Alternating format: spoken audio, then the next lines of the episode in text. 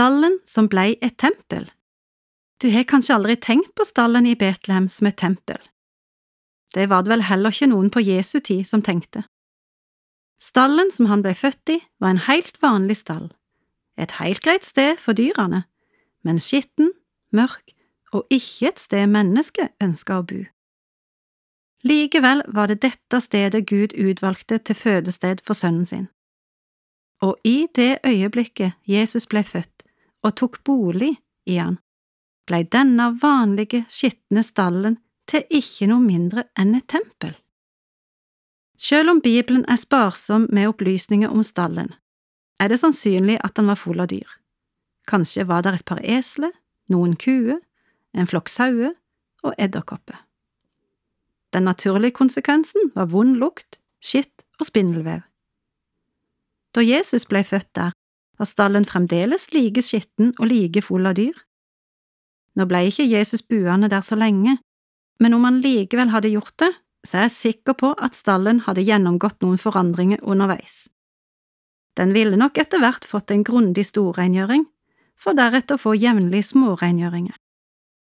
Dyrene ville fortsatt blitt buende, men jeg tror Jesus ville bestemt litt, satt de på plass, både bokstavelig og billedlig, og hatt litt kontroll.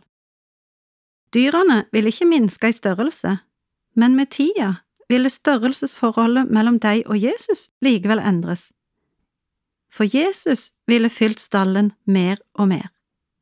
Ikke bare rent fysisk ved at kroppen vokste, men med sitt nærvær. Vi har òg en stall, hjertet vårt.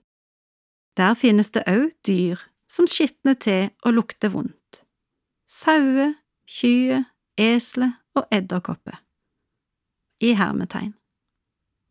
Vel er sauer ålreite dyr, men i denne sammenheng kan sauen stå for dumhet eller dårskap. Dum som en sau, sier vi. Eselet kan symbolisere stahet, stolthet, egoisme. Vi sier jo sta som et esel. Og kua er det nærmeste vi kommer en okse, som man også kan kalle en stut, og den kan stå for sinne og hissighet. Sint som en stut. Nå må jeg presisere at det finnes både sunt og usunt sinne. Stuten, eller i dette tilfellet kua, symboliserer det usunne sinnet. Edderkoppene symboliserer alle de små og store syndene ellers som til sammen danner ekle nett som uten jevnlig rengjøring brer om seg. Inn i alt dette blir Jesus født når vi tar imot han som frelser og herre. Til forskjell fra stallen i Betlehem, som Jesus flytta ifra, er det mening at han, ved Den hellige ånd, skal bli buende i hjertene våre. Han blir født inn i all skitten, men over tid vil han ønske å gjøre rent, både storrengjøringer og smårengjøringer. Dumheten og dårskapen, stoltheten og staheten, egoismen og det usunne sinnet og hissigheten vil fortsette å bo der, kanskje ikke engang minske i størrelse. Men de vil være underlagt Jesu kontroll og autoritet. Han vil lære de lydighet og besinnelse.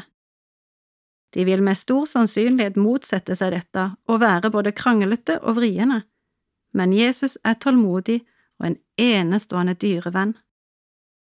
Sånn som Jesus ble født som et lite barn i stallen, for deretter å vokse seg stor. Sånn blir han også født liten i våre hjerter. Den spede trua som fødes fram, vil med tid og stunder og rett næring vokse seg større og sterkere. Jesus vil fylle hjertet, ikke bare rent teologisk, men med sitt blotte nærvær. Og det som hjertet som kjent er fullt av, renner munnen over med. Når Jesus blir født inn i hjertene våre, starter en forvandling. Stallen forvandles til et tempel. For Guds tempel er ikke en bygning, men der hvor Guds ånd er. Dette er et tempel bygd av Gud, Jesus er satt til å styre det, og Den hellige ånd bor i det. Og fordi vi er den levende Guds tempelet, sier Paulus at vi skal la oss rense for all urenhet på kropp og sjel og fullføre vår helliggjørelse. Vi skal la Jesus slippe til med rengjøringene sine. Hvorfor hjertet? Ja, hvorfor vi ofte refererer til hjertet som stall, har Kari Vinje ei god forklaring på i boka Gud og jeg er venner. Der skriver hun Hjertet sender blod til hjernen som tenker og føttene som løper, til munnen som snakker og hendene som arbeider, til øynene og ørene og huden og magesekken og alt det som hører kroppen vår til. Hjertet har med hele kroppen å gjøre. Derfor er det sånn at når du gir Jesus hjertet ditt, da gir du han hele deg. La stallen denne jula minne deg om hjertet ditt. Og som ordspråkene 423 sier, bevar ditt hjerte framfor alt du bevarer, for livet går ut fra det.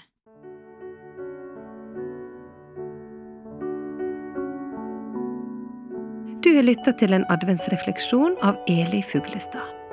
Eli er forfatter og forkynner i Håpets kvinner. I tillegg til å besøke menigheter og foreninger for å dele Guds ord og fortelle om Norea sitt arbeid, skriver også Eli andagsserien Tapas for troen her i Håpets kvinner. Og den hadde jeg lyst til å anbefale deg nå i adventstida. Et gudsord og en forklaring til tre ganger i veka som du kan ta med deg inn i din hverdag. Andakten finner du på norea.no, Spotify og ellers der du lytter til podkast. Vi i Norea Håpets kvinner ønsker deg ei god og velsigna jul.